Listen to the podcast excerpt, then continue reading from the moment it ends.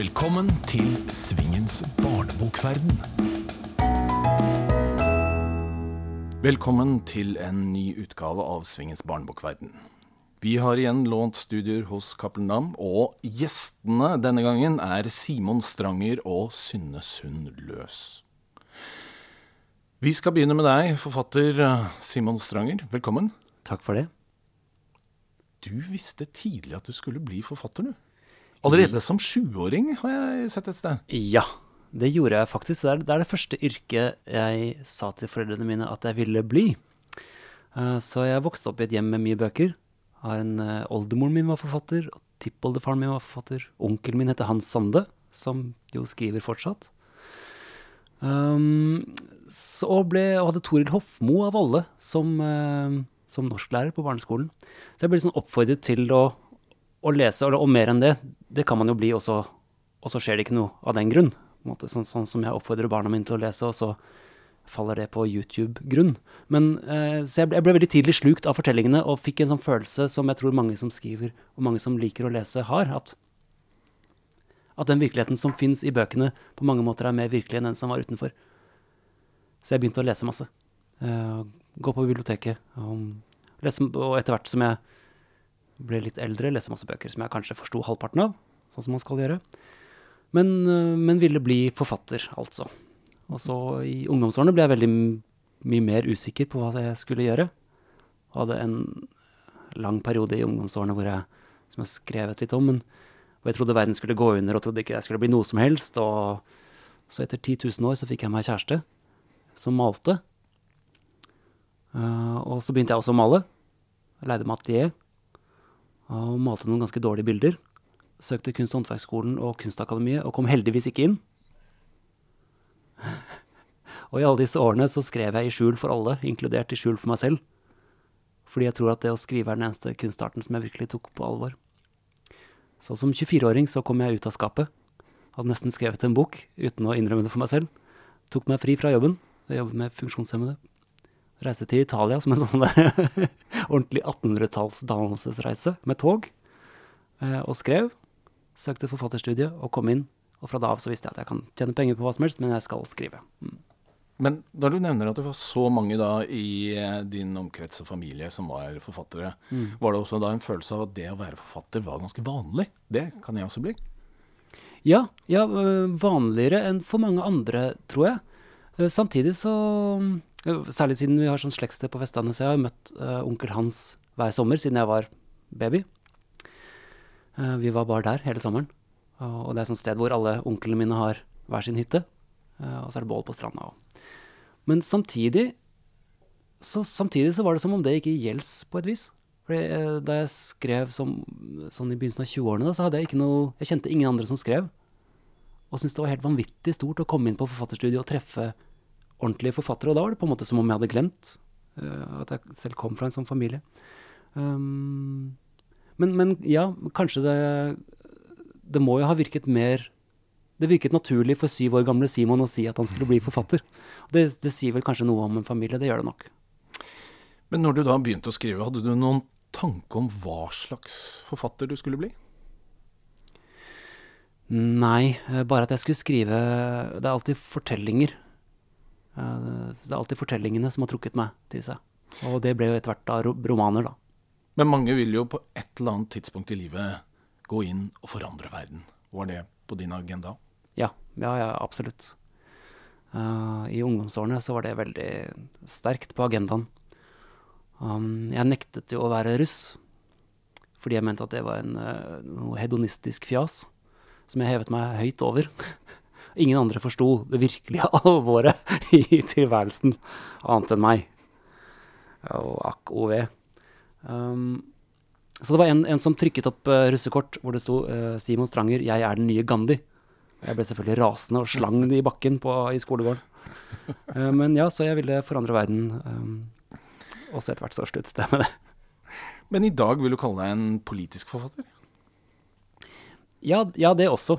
Um, jo da, jeg er nok um, det, der kan man jo, det der kan man diskutere egentlig i både i det brede og det smale. Er det egentlig mulig å skrive ikke-politiske bøker? Det er jo et motspørsmål.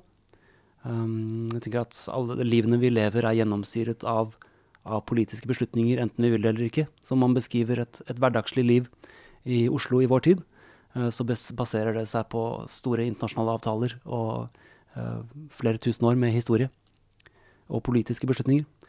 Som så mine er mer Og det er nok Som jeg nevnte så vidt i stad, så ble jeg egentlig ganske dårlig i ungdomstida, altså.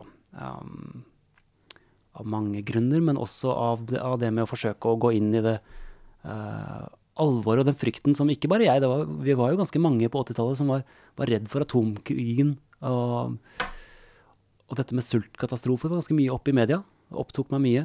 Og den, denne rare og litt snåle, dårlige samvittigheten for å, for å være fra et av verdens rikeste land plaget meg mye. Uh, inntil jeg kom til et punkt hvor, det, hvor jeg forsto at uh, dette kommer det jo ingenting nyttig ut av. Så jeg begynte å, å, å leve livet mitt i stedet. Men uh, disse tre ungdomsromanene jeg har skrevet, som heter Baisak og Verdensrederne, og De som ikke finnes, der I den første boka så møter man en norsk jente som, uh, som treffer på en, en, båt med flyktninger på Kanariøyene. Og der, der, kommer nok noe av dette engasjementet til syne.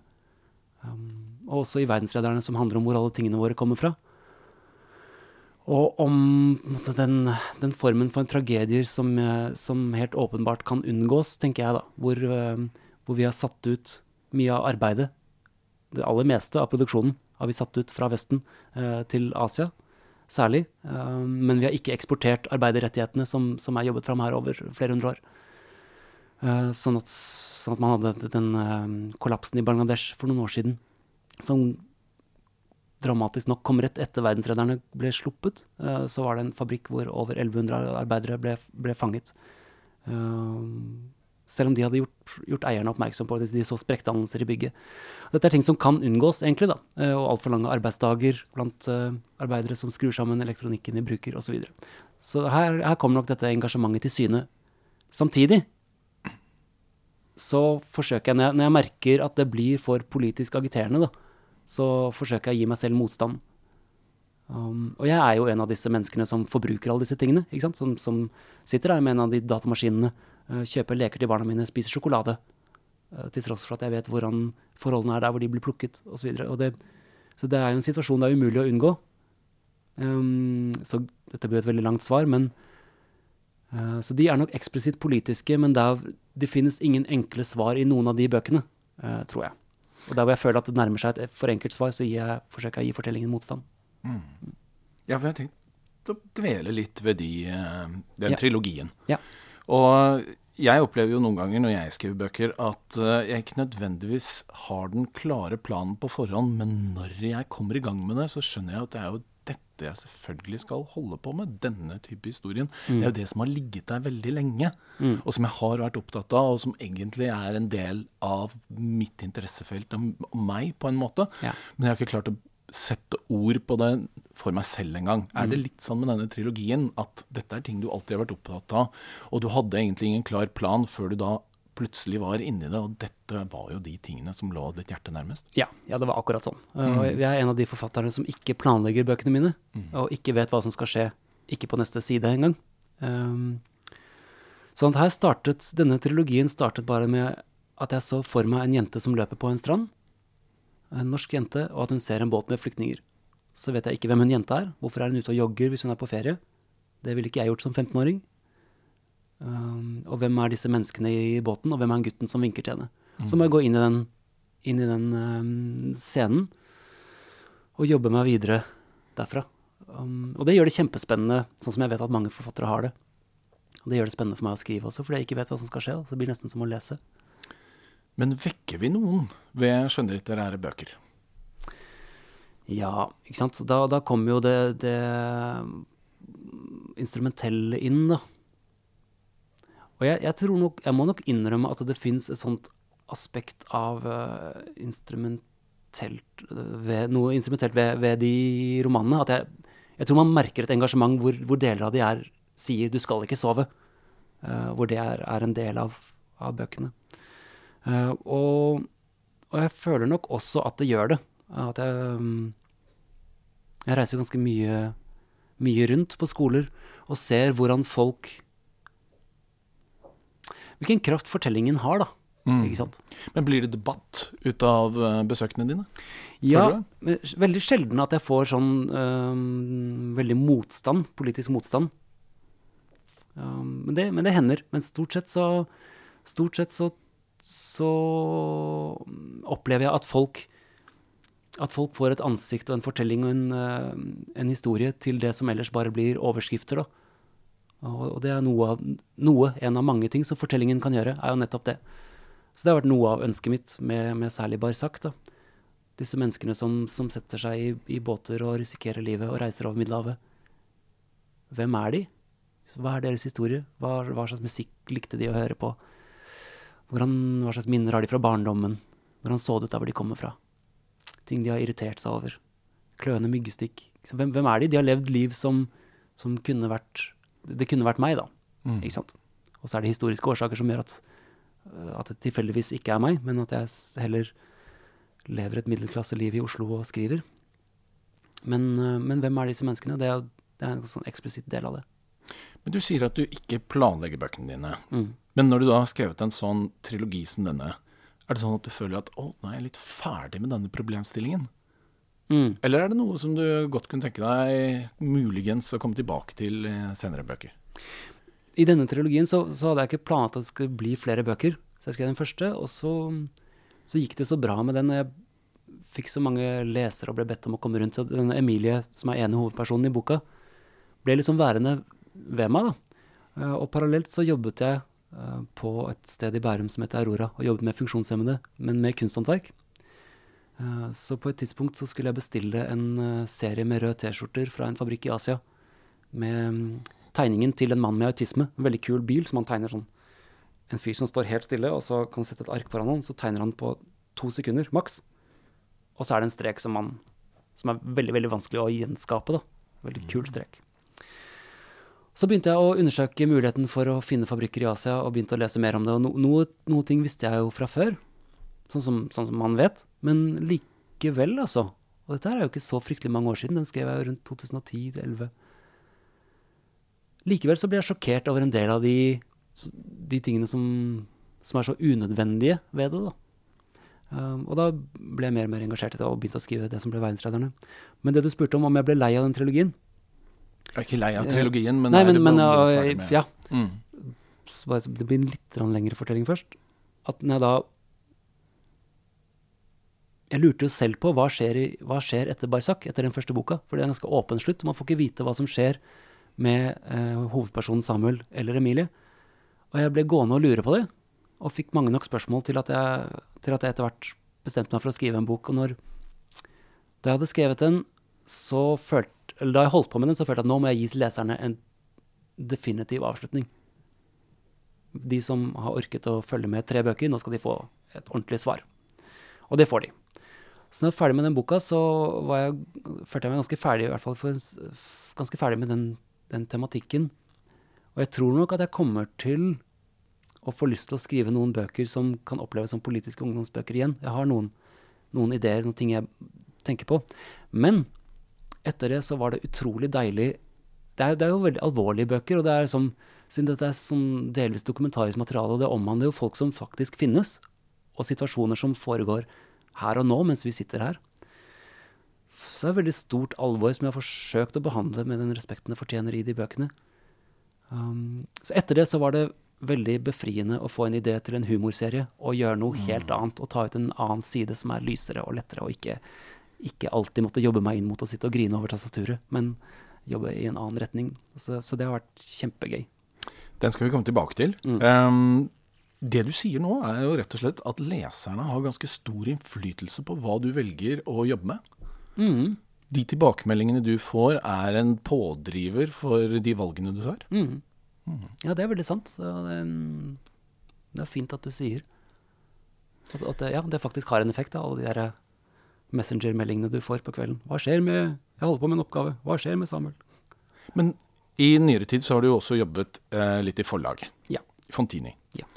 Har det også hatt en innflytelse? For der jobber man jo på en litt annen del av det litterære virket. Man prøver rett og slett å finne nisjer og selge de bøkene som blir utgitt, og det er my veldig mye oversatt som ko kommer ut på det forlaget. Ja. Har det hatt noen innflytelse på din skriving? Det har hatt en stor innflytelse på min skriving. Så jeg begynte der i 2014 som frilanser. Og hoppa rett inn i det som For da, da skulle de første bøkene komme. Uh, Lindy Andersen som starta det her. Um, og de norsk Nei, de bøkene hadde ikke noen norsk tittel, men en serie laget seg av to australiere eh, som heter The 13th Story Treehouse på engelsk. Så vi balte med hva skal, hva skal den hete, og jeg hoppet rett, rett inn i det her. Eh, som ble hetende Gutta i trehuset på norsk. Og jeg har hatt mye moro med å lage titler på de bøkene, som ble lengre og lengre, helt til hva heter de systemene som bokhandlere driver med? De kollapset helt på noen av de lengste titlene. um, men Er det du som også har oversatt dem? For du jobber jo litt som oversetter. ja, jeg ikke, det er Hege Meren som oversetter. Så jeg er medoversetter på de siste, men jeg har vært redaktør på alle sammen. Og jobba med oversettelsene. Og, men det har vært en veldig læringsrik prosess, fordi jeg har jobbet, ganske, jeg har jobbet veldig tett på de bøkene.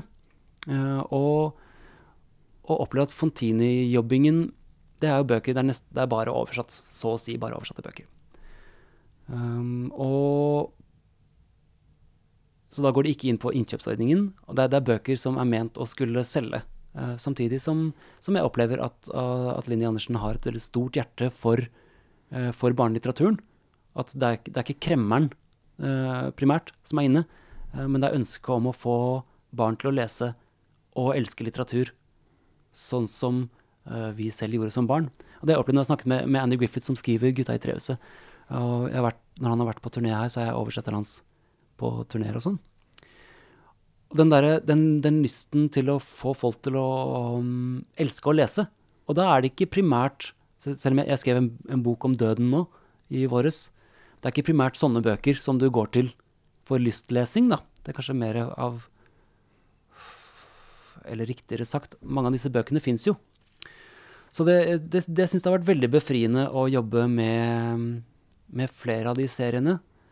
eh, og se hvordan de slår an hos barn, og hvordan det får dem til å, å gripe tak i bøker. Da. For det, det jeg håper og tror, er at disse bøkene skal føre til at de får tak i andre bøker, og så vil, vil en del av dem bli lesere. Mens en del av dem vil vi miste til Netflix. Og det, eh, Gutta i trehuset er en helt åpenbar inspirasjon til Kokotopia, den serien som, som jeg skrev nå i Det var nettopp mitt neste spørsmål, skjønner du. Ja. Fordi eh, La oss gå over på Kokotopia. Den har jo da en undertittel 'Riddere, hekser og prikkedøden'. Ja. Og den foregår i middelalderen. den. Den foregår i middelalderen. Hva er morsomt med middelalderen? Åh, det er veldig mye morsomt. Monty Python, bare tenk Monty Python.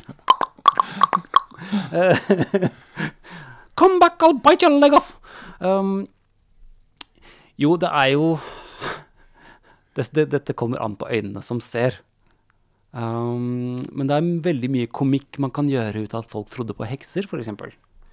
Så det, det her startet med at, at Lindy spurte meg uh, rett ut om jeg kunne tenke meg å skrive uh, noe humoristisk for barn. Og det er det aldri noen som har spurt meg om før, siden jeg har hele dette gravalvorlige forfatterskapet.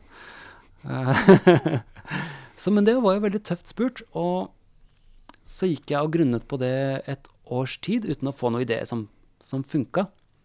Og så plutselig, sommeren 2016, så sleit jeg med en roman, og så plutselig fikk jeg en idé til sånn her, hva om jeg lager en serie med bøker hvor Som er litt sånn som øh, Litt sånn som den TV-serien som gikk da vi var barn, som fulgte verdenshistorien, som heter Herregud, hva heter den? Jeg har glemt det. Det var en gang? Er det den? Ja, det var en gang et menneske. Ja, det var det. Takk. Mm. Takk. Øyeblikksafasi. En kobling mellom 'Det var en gang et menneske' eh, og 'Gutta i trehuset'. Så altså en, en serie som går gjennom verdenshistorien, men hvor det er de samme personene i hver bok. Og så er hver bok en epoke i verdenshistorien. Da har man liksom noe som er fast, og så kan man jazze innenfor det.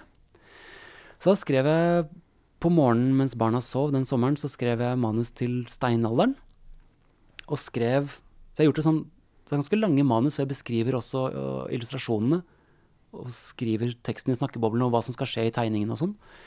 Uh, og leverte til Lindy på sensommeren. Og så ble hun kjempegira. Veldig sånn der Herregud, ja, det her må vi gjøre. Eh, kan du skrive mer? For vi vil gjerne ikke starte med steinalderen.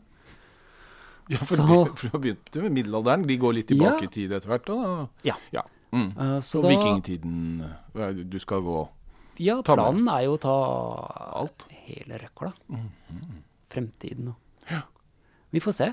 Så, så jeg skrev et manus til tre foreløpig. Jeg skrev steinalderen, og så, et, når hun ble så gira, så skrev jeg middelalderen, som da handler om hekseprosessene, om svartedauden. Og også et helt sånn, noe som var et, et mysterium for min del også, hvordan, hvordan oppsto svartedauden. mm. Som jeg etter hvert skjønte at det var jo ikke rottene sånn som vi har blitt lært. Nei. Det er en pestbakterie som ble spredt med lopper. Og prikkedøden kommer også fra middelalderen, tydeligvis. Dette var ikke jeg klar over. Nei. Nei. Um, så, så, så kan jeg liksom tøy, Det, det fins mye humor hvis man bare tøyser rundt det. Så det er jo det er forskjellige måter å det er en Woody Allen-film. Hva heter den igjen? Hvor, hvor den samme historien blir fortalt som tragedie og som komedie. Og sånn er jo livene våre i veldig stor grad, tenker jeg. Så Svartedauden Det er jo selvfølgelig dypt tragisk at halvparten av halvparten av befolkningen i alle landene døde, og uskyldige mennesker ble anklaget for å være hekser. eh, og bundet på ryggen og kastet ut i sjøen, så de drukna. Og hvis de ikke drukna, så ble de brent. Det er jo helt grusomt. Eh, Så man velger hvilke briller man tar på. Eh, Det er også en stor grad av komikk i det, da. Så jeg, jeg, jeg tøyer det komiske og det litt sånn actionpregede. Og så, og så er det det eh, Han heter Simon Quichotte i første bok. Rir på en gris og tror han er en ridder. Um, og er veldig veldig sint på alle som tror, sier at han har en bøtte på hodet. Han mener han har en ridderhjelm. Og så kommer det jo fram. Grunnen til dette traumet er jo selvfølgelig at han, han kommer fra en by hvor alle andre døde. Men selv om du ikke kom inn på noen skole for å bli eh, kunstmaler, så uten å ha sett deg tegne, så vil jeg jo kanskje tro at du eh, ligger over gjennomsnittet mm, av eh, norske forfattere. Betyr det at du kommer til å illustrere selv, akkurat som de fleste illustratører på en eller annen tidspunkt begynner å skrive selv? Ja, jeg, mm, men jeg tror det er lettere andre veien.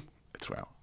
Ja, det innbiller jeg meg faktisk. Eh, Jeg, jeg, prøvde, jeg prøvde på et sånn tidlig sånn stadie å skisse opp disse tegningene i stedet. Og det ble ikke bra, altså. Det ble mye bedre når jeg beskrev hva jeg så for meg at skulle skje, enn hvis jeg prøvde å Men jeg, jeg, har, jeg har tegnet mye. Uh, så jeg tegnet mye som barn. Um, så det var ikke så far-fetched å søke. Um, uh, ja, så jeg har brukt mye tid på å tegne. Men, men det er liksom Det er et kjempesprang til hun illustratøren som jobber med disse bøkene. Det er liksom en helt annen liga, da. Mm. Så det er som, som om jeg skulle fått en tiåring til å skrive. Det er Ja, sånn, det er sånn jeg jo- tegner, da. Vi bør jo nevne hvem som har illustrert. Eh, Helena Lindholm. Ja. Helena Lindholm. Simon, jeg har bedt deg uh, om en anekdote. Vi er jo historiefortellere, så, og vi har jo opplevd uh, utro, Har jo hatt et rikt forfatterliv. Ja. Så jeg er nå veldig spent. Min anekdote er gravalvorlig. Den er eh, Jeg sleit, sleit litt med å finne en historie. Så jeg debuterte i 2003, og så gikk jeg forfatterstudiet i 2001. Så jeg har jo vært i dette miljøet en god stund. Så slo det meg, vi, er, vi sitter jo nå i Cappelen Dam-bygget. For en del år siden så var jeg her på en julemiddag. Som er en sånn høytidelig eh, middag. Dette var vel i 2012. Eller om det var sikkert desember 2011. Eh, hvor, hvor man sitter ved dekkede bord, hvite duker, eh, folk som kommer og serverer mat. eh, flere hundre gjester. Treretters. Og eh, så var det Stig Seterbakken som var bedt om å holde talen. Jeg vet ikke om du var der? Jeg var der. Mm. Mm. Og han, han holdt en tale og, og snakket en god stund, og så plutselig så ble han helt stille. Midt i en setning så sluttet han å snakke. Og jeg ble kjempenervøs på hans vegne, Um, fordi jeg tenkte først at han, at han bare famlet med ordene, at han ikke husket hva han skulle si, at han ble nervøs. Og så bare varte stillheten bare varte først ett sekund, to, tre, fire, fem, seks, sju. Det begynte å bare gikk langt over hva som er eh, behagelig um, når man sitter mange sammen. Det tror jeg jeg føler ganske sånn stort ansvar for i sosiale sammenhenger. Som vel mange gjør. Så etter hvert så gikk det over, over på sånn kanskje 20 sekunder. Har, har han fått et anfall, liksom? Hva er det som skjer med han? Så tror jeg han endte opp med å stå taus ett minutt. Om han telte tiden inni seg, det vet jeg ikke. Og så bare fortsatte han å snakke og si at dette her, dette er det mørket jeg vil at dere skal oppleve, eller noe i den duren. Fritt etter hukommelsen for min del. Og jeg husker jeg ble så forbanna på han. Jeg ble så forbanna på at han liksom tok den Fordi jeg, jeg, jeg tror nok jeg gjenkjente det, da. 15 år gamle Simon. Som sånn her Nå skal dere få virkeligheten i trynet. Ja, sitter du der og koser deg med potetgullet? Mm, vet du hvor mange som døde av sult i dag, eller? Jeg følte at han kjørte den, da. Og så er det jo en tragisk utgang på denne historien. Han tok livet av seg noen uker senere. En måned senere, kanskje.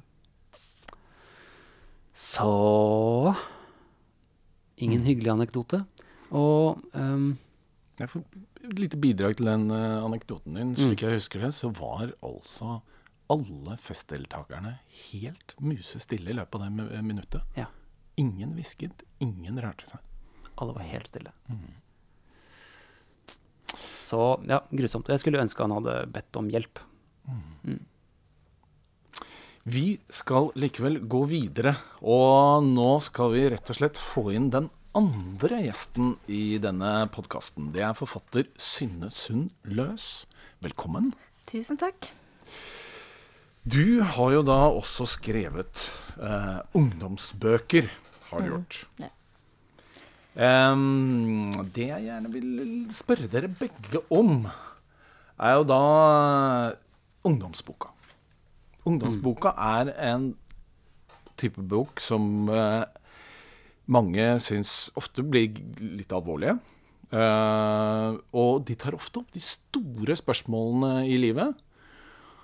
Og så har de i tillegg ganske få lesere. Mm. Hva er egentlig framtida til uh, ungdomsboka i Norge? Det vi vet, det er at det kommer til å komme flere ungdommer. Det får vi håpe. Mm.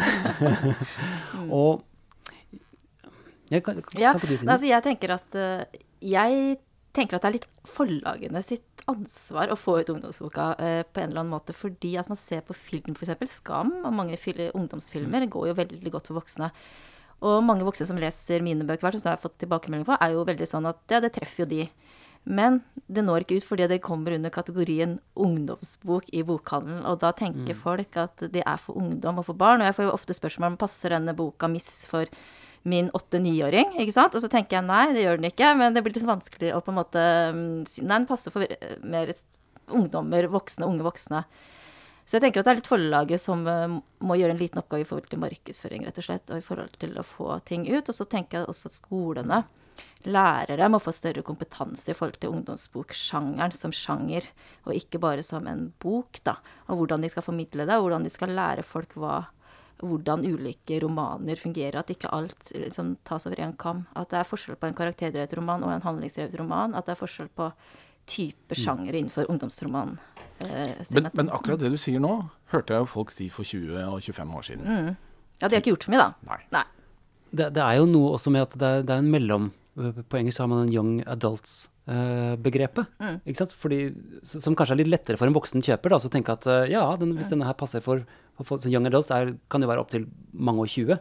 Mens det er jo enorm forskjell på hva en 11-åring leser og en 22-åring, og, og den, de to sin livsverden. Mens vi har liksom Enten så har du ungdomsboka, uh, eller så har du Ole Robert Sunde, liksom. Og det, ja. Men jeg tror faktisk at bibliotekarer og lærere kan gjøre ganske mye. For det har litt å forstå hvordan å lese en bok og forstå en bok også. eh, Og forstå hva bøker kan gi. Det krever litt opplæring, faktisk. Det er ikke bare å lese. Og når jeg er ute og snakker med ungdom og sånne ting, så, så er jeg litt opptatt av det. Liksom. Hva er det en bok kan gi som ikke noe annet kan gi? Ja. Og ikke bare si lese er sunt. Det er veldig lurt. Da kan du kanskje få gode karakterer. Men at det faktisk kan bidra til noe helt annet enn det spill, TV og sånne ting gir. Og hvis man får en dialog på det, og de får noen erfaringer, så blir det annerledes. er min erfaring, da. Men vi tre rundt bordet her har jo da alle skrevet en del ungdomsbøker. Hva er det med akkurat disse årene i noens liv som gjør at vi eh, velger å skrive om det? Altså, jeg er vel veldig barnslig. Det er derfor jeg går tilbake til det. Jeg, får den, jeg skriver stemmebaserte bøker. Sånn at det er veldig naturlig for meg å få en ungdomsstemme. Og ikke en, jeg syns voksne kan være litt kjedelige, litt uh, satt, litt uh, Være mindre fleksible i sin mm, måte å presentere ting på. Så det er vanskelig for meg å gå inn i det å skrive fra et voks, om voksne mennesker, rett og slett. Jeg liker mer det lekne, da. Jeg vet ikke hva du tenker. Simon? Um, hva var spørsmålet? Hvorfor vi velger å skrive om akkurat ungdomsårene. Nettopp. Det var derfor. Um, jo, jeg tenker at det er jo den fasen hvor, man, hvor virkelig alt står på spill, da, som det kanskje aldri gjør verken før eller senere. Hvor alt brenner så sterkt. At både liksom de første forelskelsene og tankene om hva man skal bli, og hvor alt, alt er nytt. da. Det er på, på mange måter en ny fødsel. Du har, liksom, du har barneårene som er trygge og som hviler i seg selv, og som etter hvert blir et, en hverdag man behersker. Eh, Med, med venner og fritidsaktiviteter. Og, og så kommer på mange måter denne grusomme og, og veldig sånn voldsomme ungdomstiden, hvor, med, liksom, med den kroppslige forandringen og plutselig begjær og, og masse hormoner og følelser og ja, en slags ny fødsel. Det er en veldig sterk periode i de fleste menneskers liv, som jeg tror mange tenker tilbake på senere. At det, det, det er mye større omveltninger og forandringer både på det indre og ytre plan i de årene enn det det er fra når du er 30 til 35. Liksom. Jeg har lyst til å dvele litt ved humor. Fordi ja. humor er jo en ting som for det første er vanskelig i en eh, bok. Og det er en type ting som eh, forandrer seg fra generasjon til generasjon. Mens du, Simon, du, i dine ungdomsbøker Nå har du jo riktignok kommet med en barnebok som er full av humor, men i dine ungdomsbøker så er det veldig mye alvor. Ja. Men du derimot, eh, Synne, du har en god del eh, humor. Særlig i Ja. din siste bok. Ja, den siste er det som er mest humor i. i til, men det er humor i egentlig de aller fleste Kanskje ikke den stille, stille, der er det ikke så mye humor. Men i de aller fleste bøkene er det mye humor på et litt subtilt, litt sånn svart, litt sånn tørt nivå. Det er ikke sånn le kjempemorsomt, men jeg bruker humor som et våpen, eller mine karakterer bruker det som et våpen, da. For det er jo, jeg skriver jo om sterkt lidende mennesker, ikke sant, som går gjennom sine depresjoner og gud vet, ikke sant. Men, eh, men da bruker du humor som et våpen. Eh, For det gjør det mindre til et offer, ikke sant. Så at jeg, jeg klarer ikke å skrive veldig sånn sentimentalt og dypt og trist. Altså, da, da klør det i hele meg, liksom. Det går ikke. For disse menneskene må få en slags uh, magisk uh, sverd å slå tilbake med, og det er ofte humor jeg syns er det som ligger mitt uh, min skriving nærmest, da. Så det er vel derfor, ja. Så, men sist er vel kanskje det jeg har gått mest hardt ut, da. Det er en balanse. For at det, det, hvis det blir bare morsomt også, så blir, mister det en slags en nerve, da. Så jeg er veldig for at det må bare være alvor og humor i det jeg driver med. Det kan ikke bare være humor eller bare alvor. Liksom. Det bør være begge deler. Mm. Når du først skulle skrive humor, Simon, var det naturlig da at det ble for barn? Altså, du, det, det ville jo vært nærmest for krevende å forsøke det for ungdom. Um, det var bare formatet eh, til ideen passet Mm. eh, til litt yngre lesere. Men kunne du skrevet noe morsomt for ungdom, tror du? Forsøkt deg på det? Jeg håper det. Mm. Eh, humor er jo veldig avvæpnende. Og, og når jeg leser, så syns jeg de som får til det, så syns jeg det er kjempemorsomt. Eh, Ja.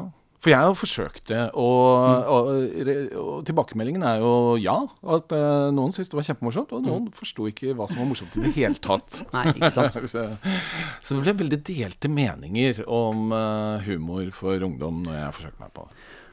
Ja, for, for i forhold til barn, så, så tenker jeg at uh, akkurat som med, med voksne, når man ser hva folk ser av filmer, da, så er det som uh, det som er action og komedie, er jo veldig høyt oppe på hva vi uh, type fortellinger som vi mennesker liker, da. Og det tenker jeg gjelder barn også. Um, så handling og humor. Man skal ha det litt gøy òg. Ja. Alvoret kommer tidsnok til oss alle. Litt moro må vi ha det. Jeg har utfordret dere på en annen ting. Et spørsmål til hverandre. Lurer på om vi skal begynne med ditt, eh, Simon, til uh, Synne. Ja. Mitt er veldig kjedelig. Ok. Det er veldig veldig kjedelig. Nå fikk jeg lyst til å finne på verdens kjedeligste spørsmål, men det skal jeg ikke Ja, gjøre. gjør det. Spørsmålet er hvilket spørsmål vil du gjerne at jeg skal stille deg? Oi, det var supervanskelig. Nei, det, vet du, det var et utrolig vanskelig spørsmål. Vil jeg gjerne at du stiller meg? Ja. Uh, kan du stille et annet spørsmål? Ja. Vil jeg spørre, spørre om da? Og det var ikke svaret ditt, ikke sant? Eh, Nei, jeg bare tuller. Nei, jeg, jeg, jeg ble så forvirret nå. Hjernen min den er sånn, hva skal jeg si, den er eh, vrengt. Ja. Så, sånn at når jeg får sånne, så blir det sånn Hva mener. Hvordan går det tilbake, fram og tilbake? Ja, nei, men? Da skal jeg stille et annet spørsmål. Da skal jeg stille et annet spørsmål, um, som kanskje jeg stjeler fra Arne. da. Eh, når var det du visste at du eh, skulle bli forfatter? Å ja, sånn, ja. ja. Nei, jeg visste veldig tidlig, jeg også, for jeg leste kjempe, kjempe, kjempemasse bøker da jeg var eh, barn. Så jeg visste veldig tidlig at jeg skulle bli forfatter. Kanskje ikke da jeg var sju, men kanskje da jeg var ti. Ja. Så, men så visste jeg også at jeg ikke kom til å klare å leve av det, så jeg bestemte meg veldig raskt for å bli sykepleier, for da kunne jeg liksom kombinere det. Så det var en klar slagplan fra min side. Å kunne jobbe og tjene penger, og så kunne jeg skrive og være fri fugl ellers.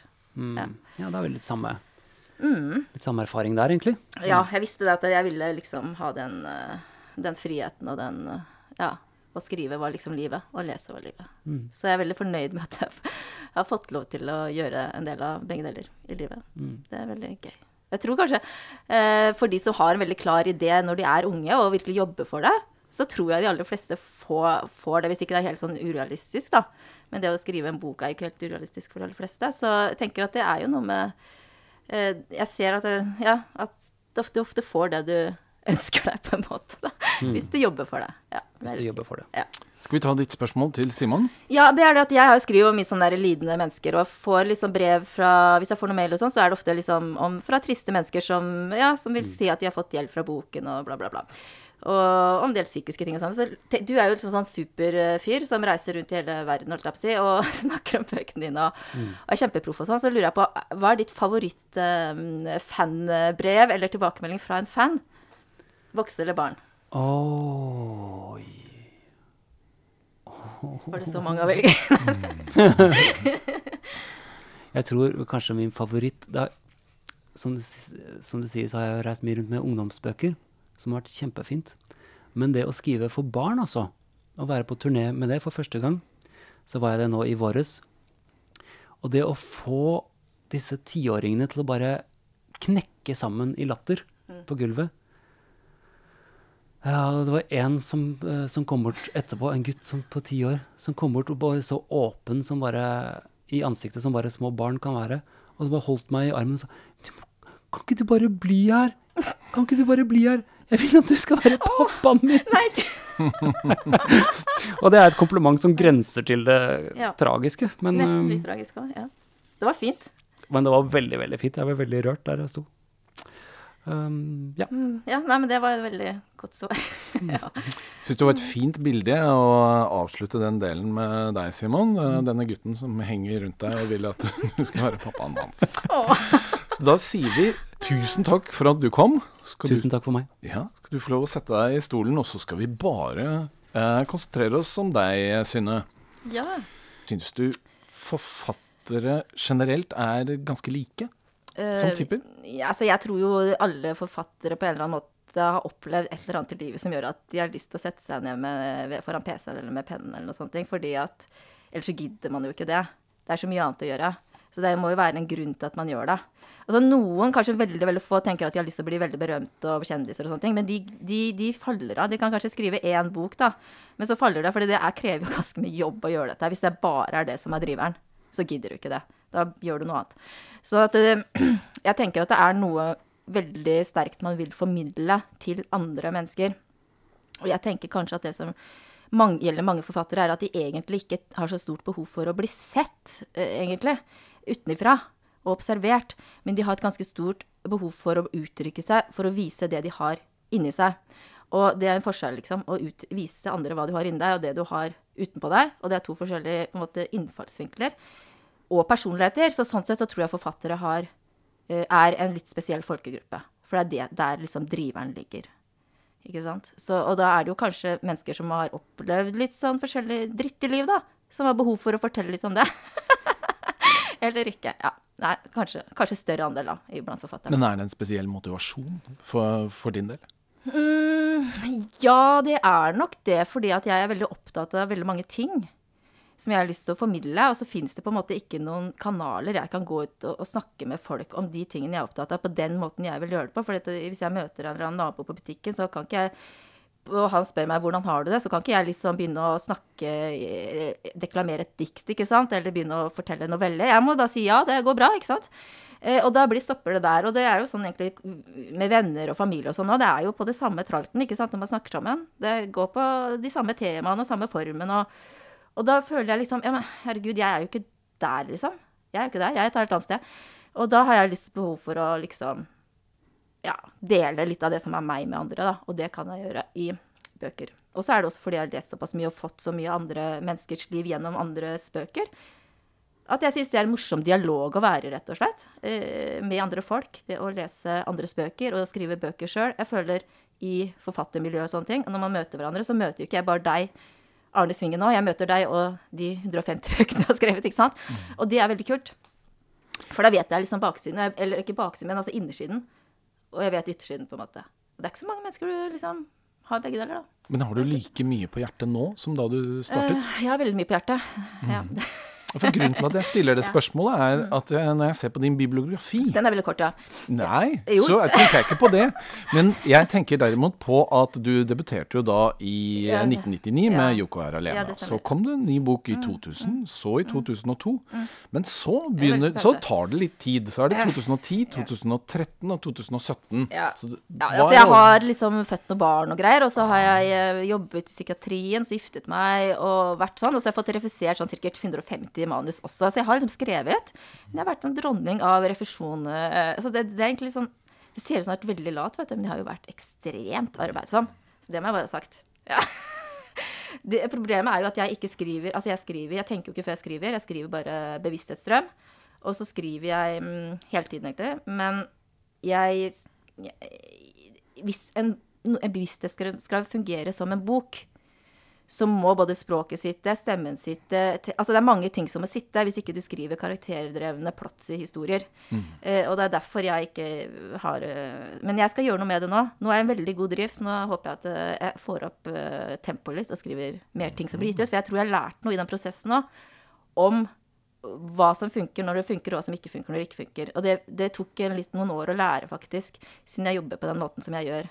For jeg vil aldri ha en plan om å sette meg og skrive om et tema, og jeg vil ha, å lage en plan om hvordan denne boken skal være og sånn. Det hadde nok kanskje gått fortere hvis jeg hadde hatt en slags sånn oppskrift, en mal å gå etter, men det, det har jeg aldri hatt.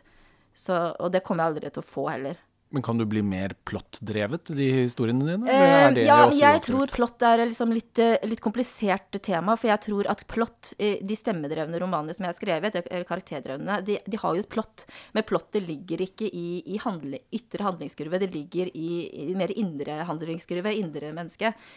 Men det er det plottet som må fungere, og det må fungere både på stemmenivå og språknivå. Og det, det, er, det er det som skiller du kan bli utrolig drevet med av en roman som ikke har en ytre handling, hvis den har den riktige stemmen og det riktige indre drivet, da.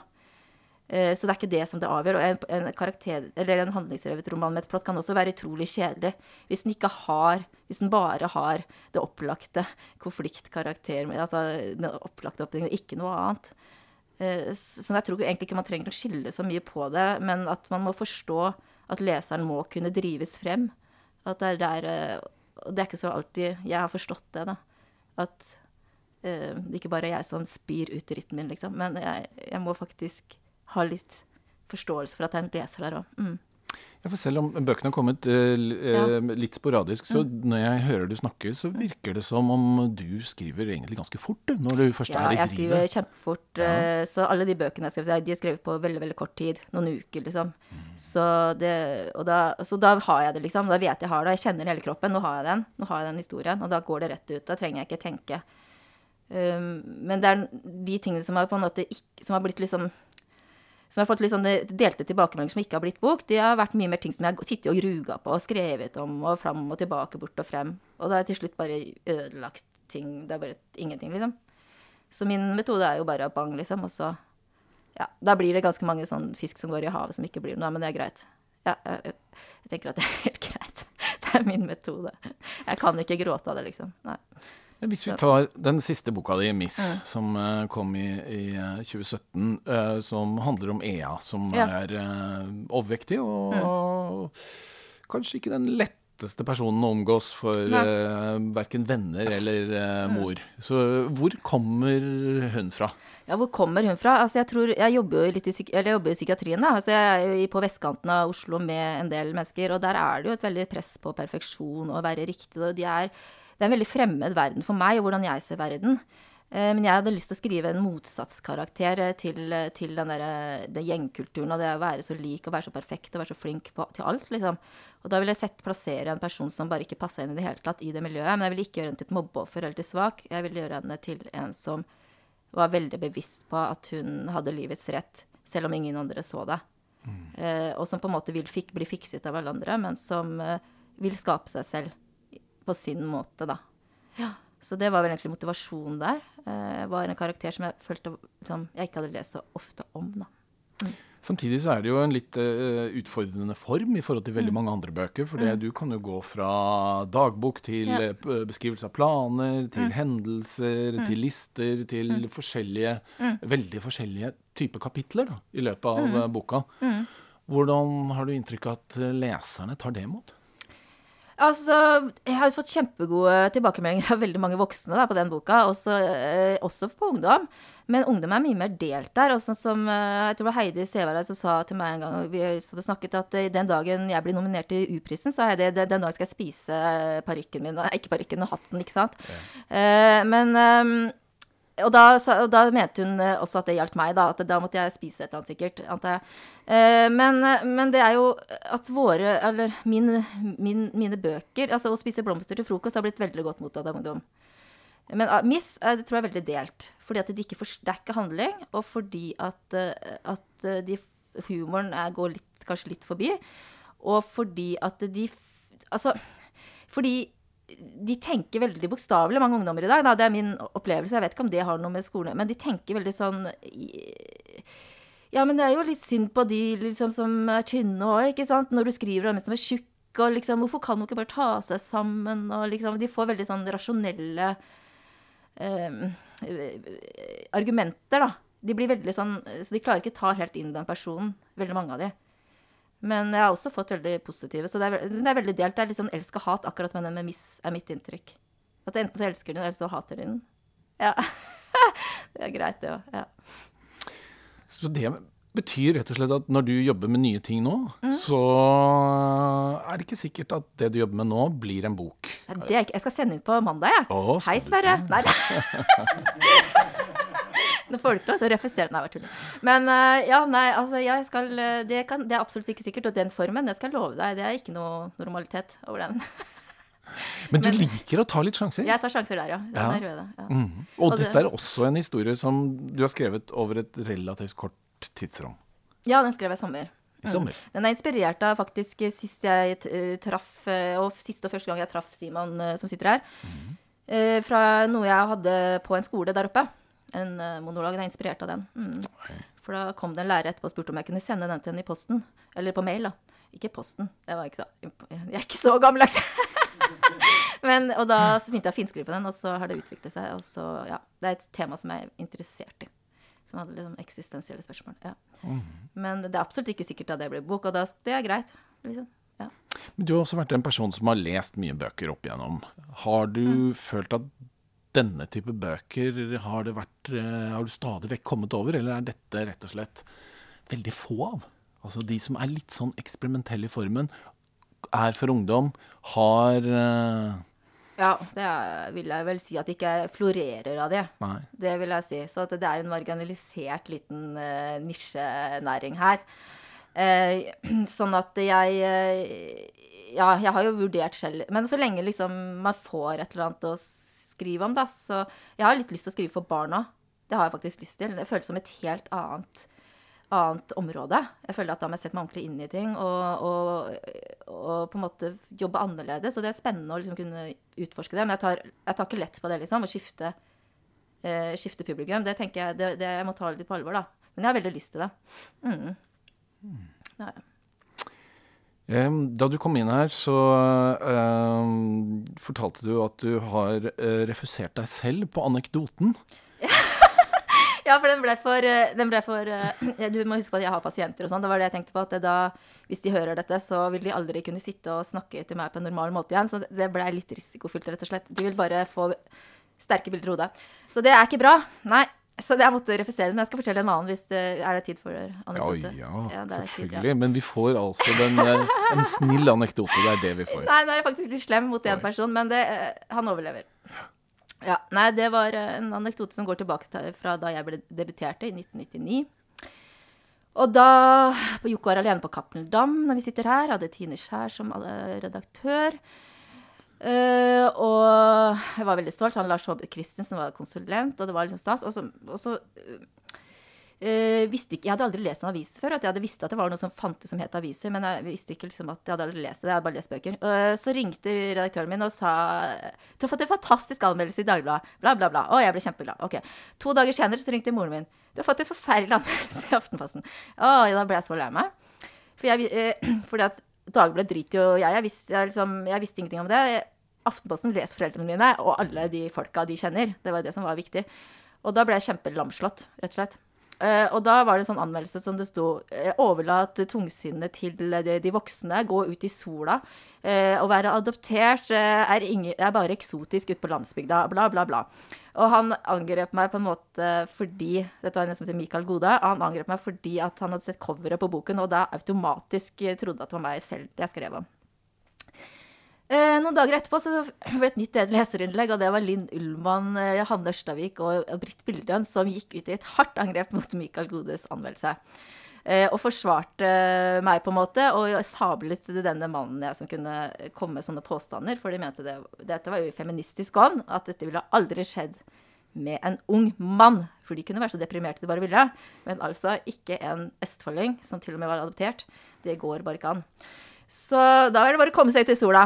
Ja, og så hopper vi eh, inn i 2000, 14, år, 14 år senere så står jeg på, utenfor en bar nede på Frogner og drikker vin. Og jeg inviterte Aschehougs forlag eh, for, til et lite vorspiel før Hagefesten. Da kommer en mann, og vi kommer i snakk, og det er da eh, Ja. Først sier vi, vi bare snakker sammen, så sier han ja, 'Hvem er du?' sier jeg Synne Sundløs. Og så sier han det, og så sier jeg 'Hvem er du?' «Eh, Mikael Gode. Så blir det veldig stille.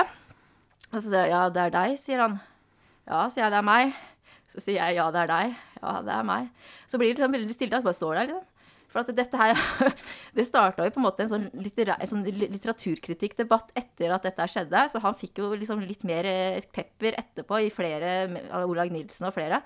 Så for han har nok dette vært på en måte litt sånn litt vondt, da. Men så uh, begynte de å snakke, og jeg syntes han var hyggelig, vi drakk vin og bla, bla, bla. Og ble kanskje jeg vet ikke, ble kanskje litt beruset, jeg vet ikke. Men i hvert fall så så, så sa han det at begynte å snakke om Siri Hustvedt, som jeg elsker og, og digger, og Paul Auster. Og han hadde da møtt de og datteren Sofie Auster en gang, og da fortalte han hvor utrolig vakker hun var, da. Og utrolig kul hun var. Og da skjønte jeg det, ikke sant. Når han har fått min bok, ikke sant. For jeg skjønte alt uh, på bordet den gangen for 100 år siden. Og leste om sånn traurig, stygg, adoptert jente fra Indre Østfold som var ensom og helt dritt. ikke sant? Det er jo det er ikke der han er. Da forsto jeg det. For han var jo det sikkert Det var sikkert så grusomt å lese. Så da forsto jeg det, og tilga han. Og vi, ja, vi ga hverandre til og med en klem, tror jeg. Oi. Så det var eh, for en slags sånn en slags, Hva skal vi si? Gestalten var avsluttet. Så jeg vet ikke Ja. Så sånn var det. Det var min anekdote. Men dere er ikke nære venner i dag? Jeg er ikke nærme, jeg har aldri sett han igjen, jeg. Men jeg, jeg har ikke noe vondt å tenke om han. Jeg tenker bare at litteraturkritikk kan være så mangt. Og der gikk han kanskje Altså, jeg tror akkurat det som skjedde, var at han, han blei provosert av et eller annet rart menneske ute på bygda kunne sitte og gjøre dette her. Han var jo kul og ung mann, ikke sant. Så det var nok litt der, og da fyrte disse damene seg opp, og det er jeg veldig stolt av. At de tre profilerte knalldamene fyrte seg opp over det, det faktisk syns jeg var utrolig kult, da. Så det var litt sånn, ja. Min andre anmeldelse. Mm. Men neste år så har du altså utgitt bøker i 20 år. Ja, jeg vet det. Ja. Og eh, hvis det da Det er kommer få, en dårlig kritikk av Ja. din nye bok, Ja, faller du sammen da? Om jeg faller sammen? Ja, Går det Eh, virkelig inn på deg? Eh, ikke på den. Altså, jeg ga ut en bok som het 'Stille, stille, stille' i 2013 eller noe sånt. Og det, det var jo ikke sjakktrekk å kalle en bok for det, da, for den fikk ingen null kritikker. men det var veldig stille, for å si det sånn. Men, men, men det tok jeg meg faktisk ikke nær av. Jeg gjorde ikke det. Jeg tenkte dette, Synne, dette er bare å stå i, for det, det er det godt av. For det er noe med det å lære og erfare ulike opplevelser med dette her, det som er veldig, veldig nyttig. Uh, nei, jeg tror ikke jeg blir så fryktelig lei meg av dårlig kritikk. Nei, det tror jeg ikke. Men eh, jeg blir selvfølgelig fryktelig mye gladere for en god Altså, jeg, misfikk noen som jeg var skik skikkelig, skikkelig glad for, og det, og det er noe med det at det, det Man kan si at man ikke bryr seg om andre mener, så man gjør jo det til en viss grad. For man er jo et menneske, og da tenker jeg at uh, hvis man får veldig god kritikk som man føler på en måte stemmer Nei. Nei, man føler at det, det er veldig Ja, at man blir veldig oppmuntret, så er det faktisk en veldig viktig inspirasjonskilde til å fortsette å drive på med det man driver med. Hvis man får følelsen at man har misforstått alt, ingen liker det, eh, gå og heng deg, så får du liksom OK, kanskje jeg ikke fikser dette. Du begynner å tvile litt på deg selv. Eh, det, er sårbart, det vi driver med. Eh, man er relativt usikker Mm, Jeg er i hvert fall det. Eh, så, så sånn sett så Ja, vi får se. ja. Nei, nå lå jeg litt mye, kanskje. Ja. ja. Det var veldig fint, ja. Synne. Ja. Tusen takk for at du kom. Tusen takk for at jeg fikk komme. Svingens barnebokverden er ved veis ende. Vi er tilbake om en måned. Da er gjestene Line Baugstø og Jan Kristoffer Næss. Vi høres. Du har hørt på Svingens barnebokverden med Arne Svingen.